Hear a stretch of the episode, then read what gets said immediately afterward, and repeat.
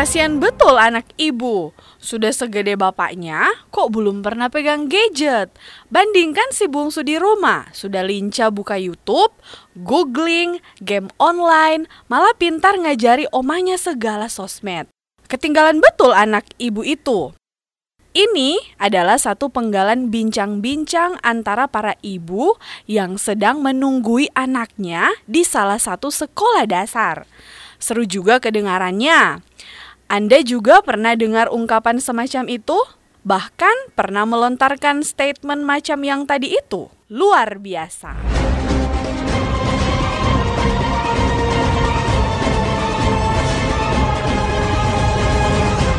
Waspada demam gadget pada anak. Itulah sorotan kita kali ini. Bersama saya, Ika Francisca, Inilah acara Sorot Montini. Sobat Montini, kita mulai dulu dari sebenarnya gadget itu apa so? Dari beberapa sumber, Ika dapat info bahwa sebutan gadget itu ditujukan pada semua jenis alat elektronik yang memiliki layar. Wow, jadi mulai dari jenis-jenis televisi, LCD, LED, komputer, laptop, hingga ke alat-alat yang lebih kecil semacam ponsel, tablet, dan sejenisnya. Nah, kata gadget itu sendiri akhirnya lebih identik dengan tablet, smartphone, notebook, yang kesemuanya memiliki unsur kekinian.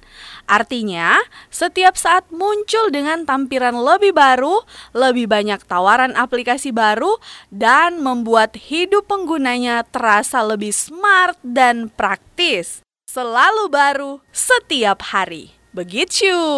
Dengan sendirinya, berkembang pemahaman tanpa gadget belum smartlah kita. Nah, apakah mungkin pemahaman tadi juga sudah berlaku untuk anak-anak balita sampai usia pre-SMA?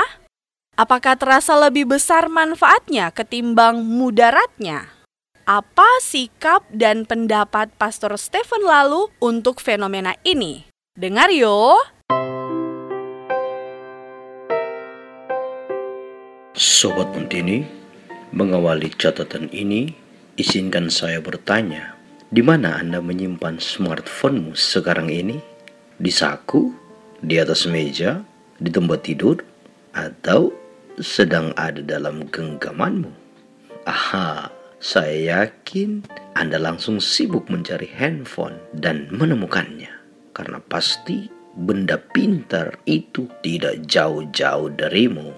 Ya, smartphone atau gadget apa pun sangat dekat dengan kita. Menggenggam gadget seolah mengetahui seluruh dunia. Smartphone menjadi barang penting tak terpisahkan. Sobat Mutini, salahkah kalau kita menggunakan smartphone dalam hidup? Pasti tidak. Barang penting anugerah Tuhan ini sangat membantu, sungguh menolong dan sangat bermanfaat tetapi kalau disalahgunakan pasti berbahaya juga bukan? Apalagi kalau digunakan terus-menerus oleh anak-anak kita untuk bermain game atau berselancar di media sosial selama berjam-jam sampai lupa makan, lupa belajar, lupa bermain, dan bahkan lupa tidur. Ah, saya yakin Sobat Muntini semua sadar akan bahaya ketagihan gadget bagi anak-anak, apalagi anak usia dini. Anak yang sibuk berjam-jam dengan benda pintar itu akan kurang bergerak, kurang bergaul, fokus pada diri sendiri, dan akan sulit diajak belajar, bahkan pun susah diajak bermain di alam terbuka. Kreativitas anak dalam hidup akan tumpul karena otaknya dipenuhi aneka permainan dalam smartphone-nya. Sobat Muntini, kalau banyak orang sebenarnya tahu bahaya ketagihan gadget bagi anak-anak. Mengapa masih banyak anak jatuh dalam penggunaan gadget berjam-jam? Entahlah. Tapi mungkin banyak orang dewasa mengidap penyakit ketidakpedulian, pembiaran, dan tidak mau sibuk sehingga membiarkan anak-anak ketagihan gadget. Bahkan mungkin ada yang membela diri bahwa anak-anak harus dibiasakan dengan gadget sejak usia dini. Tampaknya bahaya gadget bagi anak-anak tidak disadari oleh si anak sendiri. Apalagi kalau ia menyaksikan orang tuanya yang menghabiskan banyak waktu untuk gadgetnya.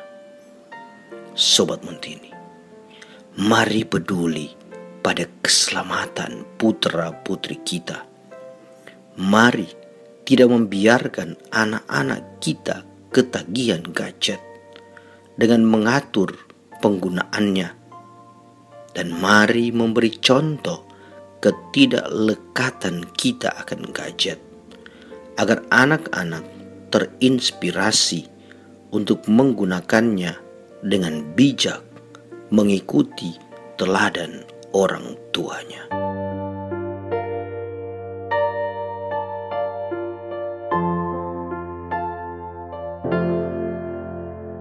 Sekian Pastor Stephen lalu untuk Sorot Montini. Sobat Montini, jadi tidak baguskah bila anak mulai terbiasa menggunakan gadget? Jangan terburu-buru mengambil kesimpulan. Siapa tahu ada sisi positifnya. Oke? Ika mau istirahat satu atau dua menit dulu. Simak liputan berikut ini.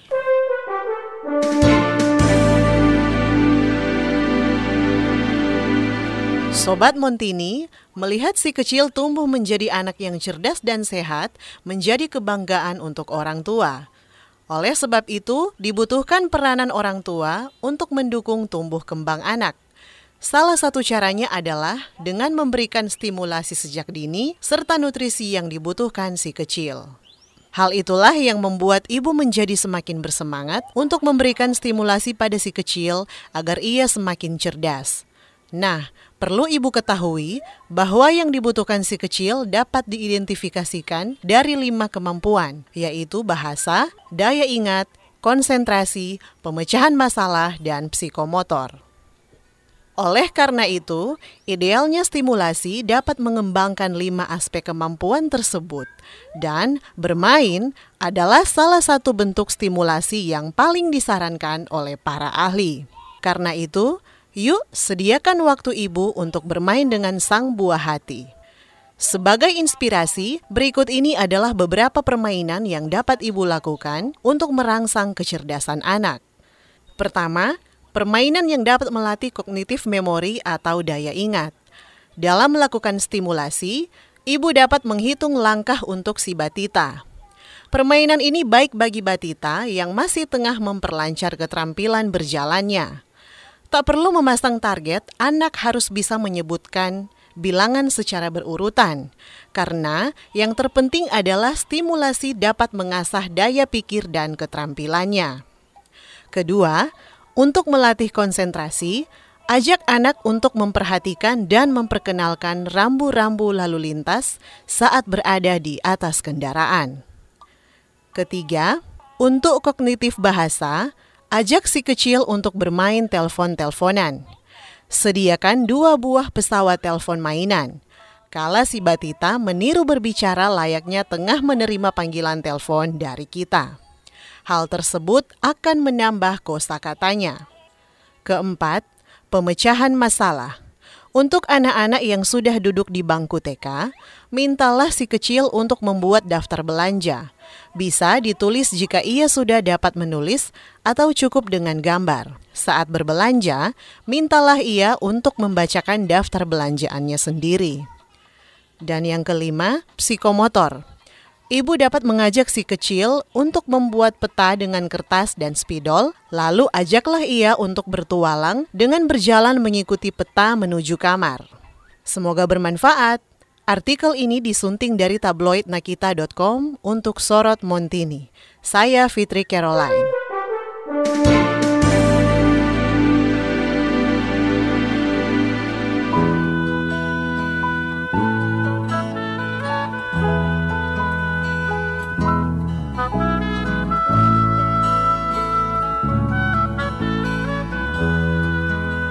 Ku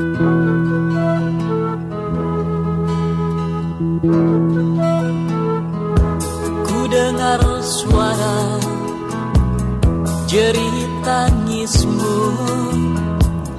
sesepi gunung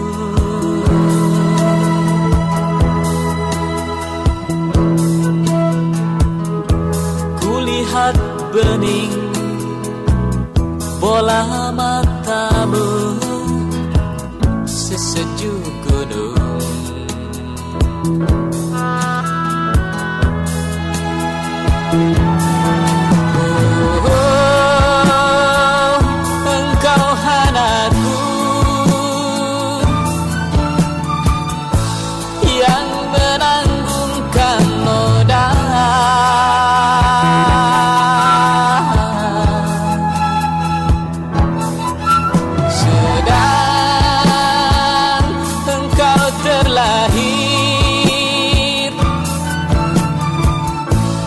mestinya sebening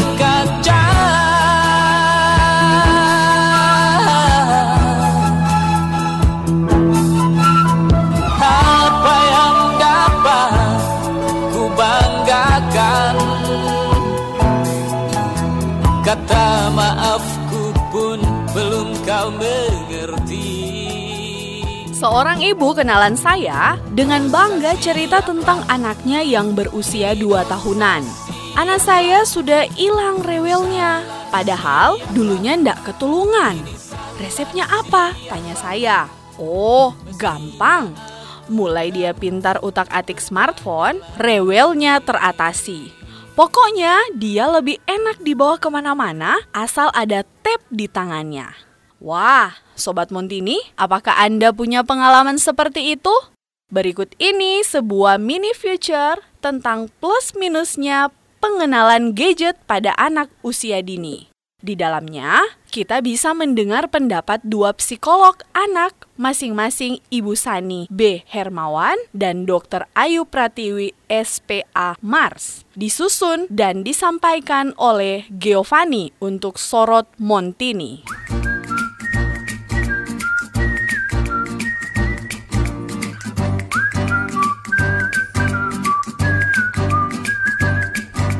Biasanya main di iPhone 4 eh, yang main yang dimainin wancak sama COC. Kalau ngelihat pet, pet ngelihat foto teman. PS karena seru. PS nggak ada. Ya cuma nonton TV. Biasanya kan kartun network gitu. Biasanya suka buka internet game gitu. Eh, suka buka Google.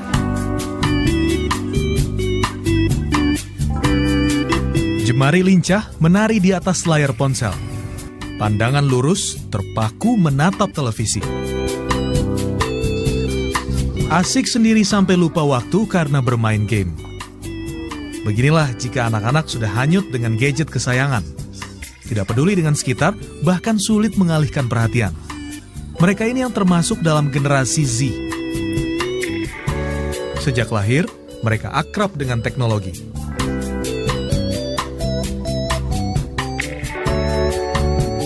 Duduk di kelas 1 sekolah dasar, tablet bukan lagi menjadi barang baru bagi Rifaika Safiera. Benda tersebut diberi sang bunda sejak setahun lalu. Beragam permainan ada di dalam perangkat elektroniknya.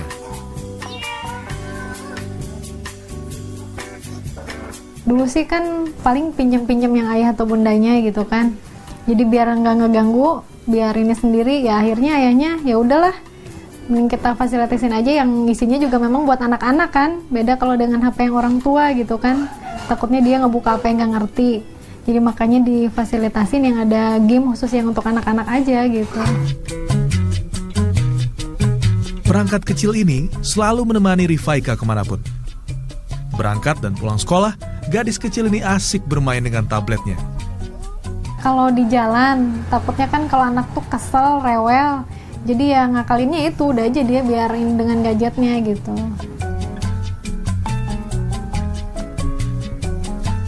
Tak mau ketinggalan, Ziva, sang adik yang baru berusia 3 tahun, juga sudah terampil bermain game. Memiliki anak yang fasih dan akrab dengan teknologi memang terlihat keren. Tapi ternyata ada bahaya yang mengancam di baliknya. Cobain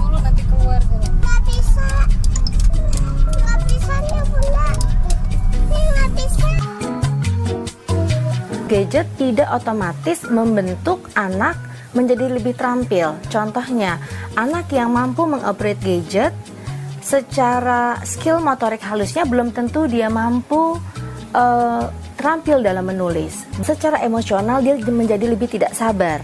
Karena eh, gadget secara tidak langsung juga mengaj- mengajarkan anak eh, berpikirnya sangat instan eh, dan tidak berproses. Asosiasi Dokter Anak Amerika bahkan merekomendasikan untuk menjauhkan si kecil dari gadget seperti ponsel ataupun televisi sampai usia 6 tahun. Jadi sebetulnya bayi sejak lahir sampai 2 tahun itu otak masih sangat plastis ya. Kita bilang biasanya brain plasticity. Sebetulnya di sana adalah waktu atau kesempatan untuk eh, menstimulasi atau merangsang otak supaya dia optimal berkembangnya. Perkembangan bayi atau anak itu sebetulnya modalnya dua. Satu bergerak, dua berinteraksi. Jadi dua itu akan sangat berkurang atau akan sangat hilang kalau dia mengenal gadget di awal di usia dini mereka. Kurangnya pengetahuan akhirnya malah membuat orang tua mengenalkan perangkat elektronik kepada anak dengan tujuan yang tidak tepat.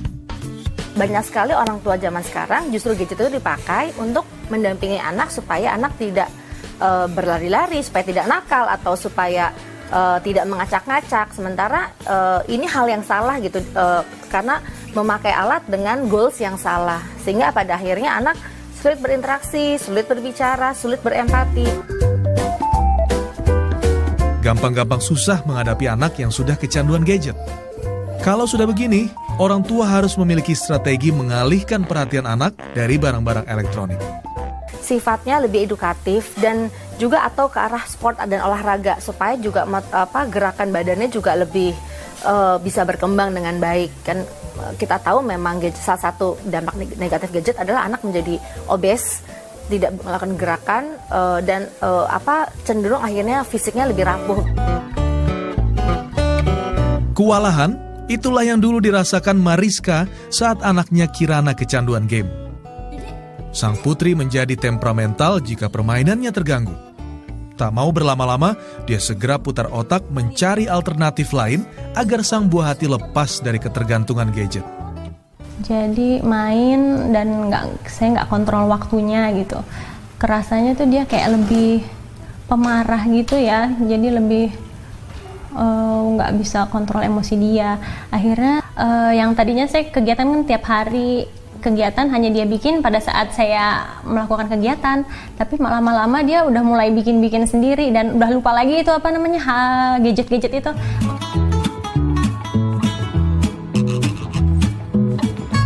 Kini Mariska sering mengajak kedua anaknya berkreasi membuat mainan sendiri. Selain mengasah kreativitas, kegiatan ini dapat merangsang motorik anak-anaknya. Hari ini kegiatannya siapa yang bisa tebak gerakan bunda? Bunda jadi apa ya? Gerakan apa nih? Apa ini? Oktopus. Oktopus. Betul. Kakak coba gerak oktopus. Gerak oktopus gitu. Murah meriah, bermodal peralatan sederhana, kegiatan menyenangkan ini selalu dinanti Kirana dan Kamil. Eh, semua sisi mereka berkembang gitu. Kayak misalkan yang kecil, yang besar juga ya, motoriknya berkembang, terus imajinasinya juga berkembang, kosakata kosakata baru juga mereka tambah. Tapi eh, nggak ini juga, nggak nggak sama gadget tuh nggak ditutupin gitu, biar nggak terlalu buta. Tapi bukan berarti anak tidak boleh kenal dengan perangkat elektronik. Hanya saja butuh kebijaksanaan orang tua agar anak tidak melewati batas. Cukup kenalkan gadget sesuai fungsinya. Untuk kesehatan mental, ajaklah buah hati Anda menikmati berbagai aktivitas fisik. Biarkan anak bergerak aktif di ruang terbuka. Karena usia anak-anak merupakan fase eksplorasi. Biasanya kan kalau dia uh, senang gadget, jadi dia uh, dia biasanya akan senang indoor di dalam ruangan. Padahal bergerak itu kan akan membuat dia berkeringat. Jadi dia biasanya dia, tidak tahan uh, berkeringat sehingga tidak mau bergerak atau tidak mau mencoba uh, gerak yang lebih dinamis. Aturan pembatasan gadget memang tidak bisa diterapkan secara instan. Orang tua pun harus memberikan contoh dengan membatasi penggunaan perangkat elektronik bagi diri sendiri. Hal ini harus dilakukan dengan konsisten. Ajarkan pada anak masih banyak hal seru lain yang dapat dilakukan selain menonton televisi, bermain laptop, game, ponsel, ataupun lainnya. Jangan lupa, jalin komunikasi harmonis dengan seluruh keluarga.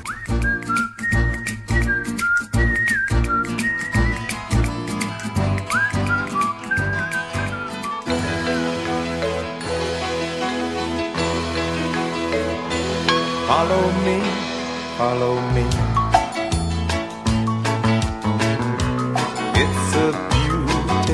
Day.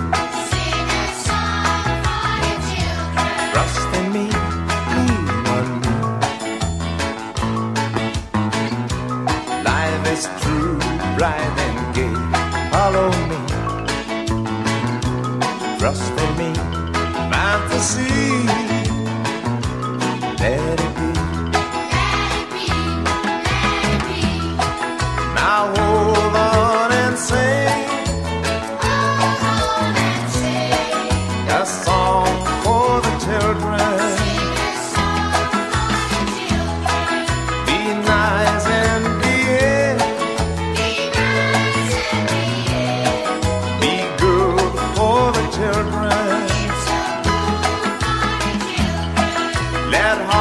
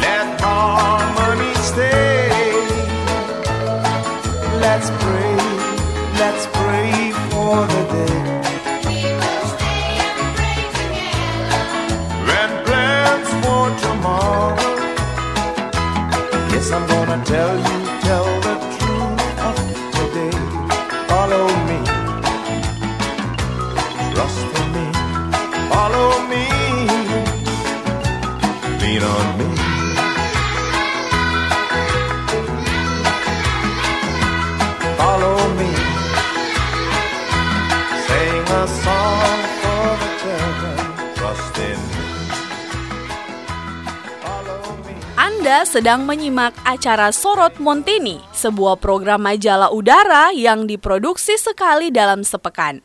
Menjadi sorotan kita kali ini, waspada demam gadget pada anak. Masih bersama saya, Ika.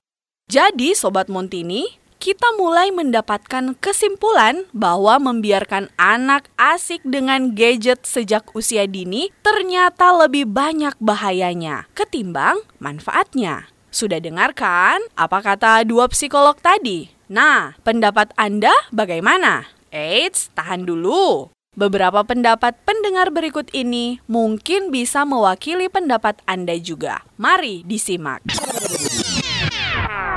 Saya Pendeta Norce M. Lempoy dari Jakarta. Menurut saya, pada pandangan sepintas, memberikan gadget kepada anak usia dini sepertinya nampak baik atau oke, karena anak-anak dapat mengikuti perkembangan zaman, tidak ketinggalan zaman istilahnya. Anak-anak jadi familiar dengan alat-alat teknologi, khususnya smartphone. Akan tetapi, gadget dapat menyebabkan kecanduan.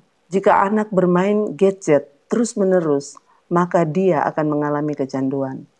Banyak anak mengalami gangguan syaraf oleh karena terganggu pertumbuhan mereka akibat radiasi. Kesulitan beradaptasi dengan lingkungan itu resiko selanjutnya. Terhambatnya perkembangan motorik anak. Anak-anak memerlukan banyak aktivitas fisik untuk mengembangkan fisiknya, keterampilannya, dirinya.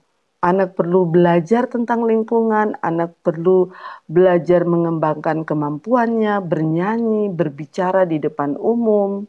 Tetapi oleh karena banyak memegang gadget, maka hal-hal ini mengalami hambatan. Anak-anak bisa menjadi agresif dan susah dikendalikan. Belum lagi mereka mengalami kesulitan beradaptasi dengan kelas, dengan pelajaran. Jadi bagi saya memberikan gadget kepada anak usia dini sama saja dengan mengizinkan anak memegang korek api di tangan kanan dan botol bensin di tangan kiri. Jika saya sebagai orang tua tahu bahaya tersebut, mengapa saya membiarkannya? Saya berharap orang tua akan menjadi lebih bijaksana, memutuskan apakah mereka akan memberikan gadget atau smartphone kepada anak-anak mereka di usia dini. Saya Viva Saletia, alamat Bahu Lingkungan 4. Menurut saya anak-anak e, belum boleh menggunakan gadget.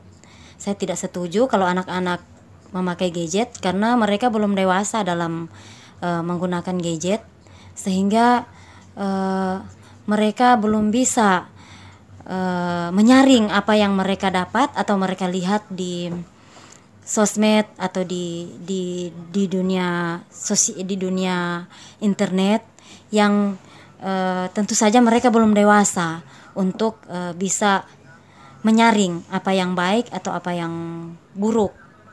Sehingga saya tidak setuju dengan penggunaan internet eh, penggunaan gadget bagi anak-anak Kalaupun mereka menggunakan gadget itu harus e, di bawah pengawasan orang tua agar mereka memperoleh informasi bagaimana e, mereka bisa mengenal yang baik atau yang buruk yang tidak perlu mereka ambil di internet atau yang perlu mereka ambil di internet. Saya Cornelis Mawei, alamat Warembungan. Menurut pendapat saya, anak-anak di usia dini memakai uh, alat teknologi ini sebenarnya bisa, tapi uh, bagaimana orang tua mau mengontrol sehingga dia dapat mempergunakan? Mungkin hanya bagian kecil dari waktu yang uh, dalam dia bermain dan dia bisa memanfaatkan teknologi tersebut. Saya Siska Tilaar, alamat Winangun. Menurut saya anak-anak itu bisa menggunakan gadget. Saya setuju anak-anak menggunakan gadget, tapi waktu-waktunya itu harus diatur gitu, dibatasi. Jadi misalnya kalau kita kasih anak kita main gadget tapi di saat makan contohnya di saat makan eh, gadgetnya jangan dikasih gitu saat di, saat tidur juga waktu-waktu ada waktu-waktunya gitu. Mungkin kalau misalnya kita boleh kasih di saat istirahat sore kan udah sudah ndak ke, ndak ke sekolah udah pulang sekolah habis aktivitas hari-hari gitu sore kan mereka agak santai gitu. Jadi bisa bisa dikasih waktu satu jam mungkin supaya juga anak-anak nggak ketinggalan gitu.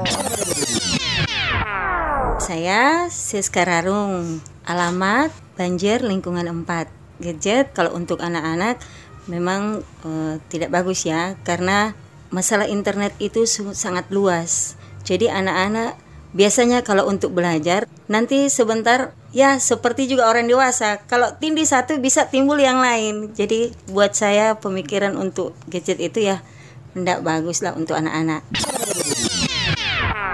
Saya, Ibu Jenny Rorimpande, menurut pendapat kami belum sepantasnya karena ada banyak dampak yang negatif terhadap pertumbuhan anak-anak. Mereka masih muda, terpengaruh dengan apa yang mereka lihat, dengar, sangat-sangat mudah sekali. Justru yang paling cepat berpengaruh ketika mereka bisa melihat apalagi sudah memegang sendiri. Mereka malah justru akan lebih ketagihan.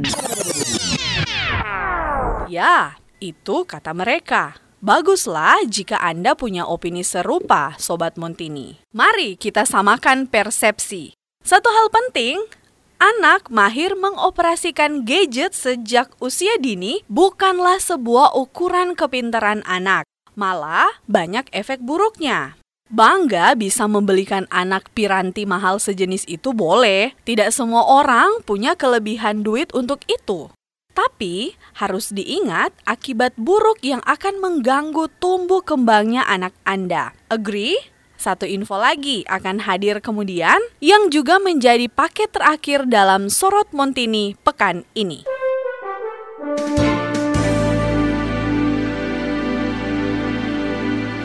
Yayasan Kemanusiaan yang berfokus pada anak, Wahana Visi Indonesia disingkat WVI, meluncurkan program bertajuk Developing Generation with Information Technology Learning, disingkat digital.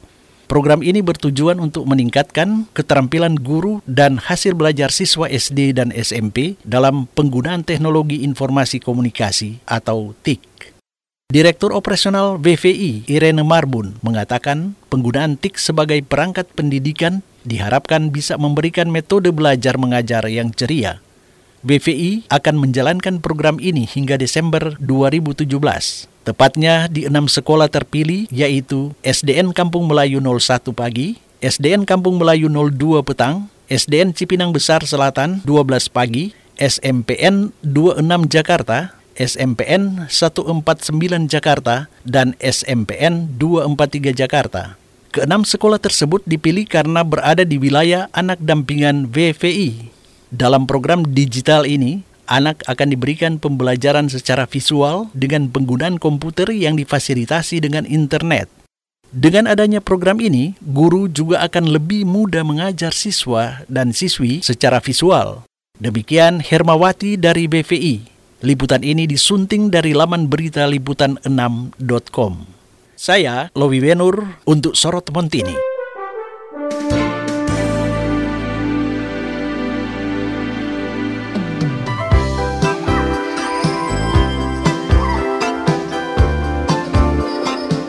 Sampai di sinilah kebersamaan kita di Sorot Montini edisi Waspada Demam Gadget pada Anak.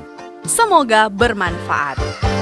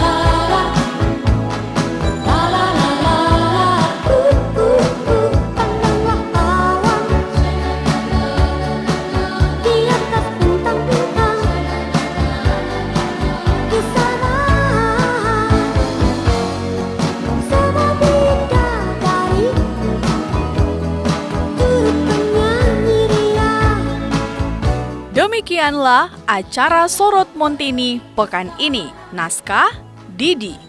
Komentator Pastor Stephen Lalu PR. Pembawa acara Ika Francisca. Tim redaksi Romansa, William Suntama, Lavenia, Ricard, Vincent, Gusti Abo. Teknik dan montase Didi Alberto. Pengarah produksi Lexi Mangundap. Penanggung jawab produksi Pastor Stephen Lalu PR. Acara ini diproduksi oleh Radio Montini 106 FM. Salam cinta sesama, cinta semesta.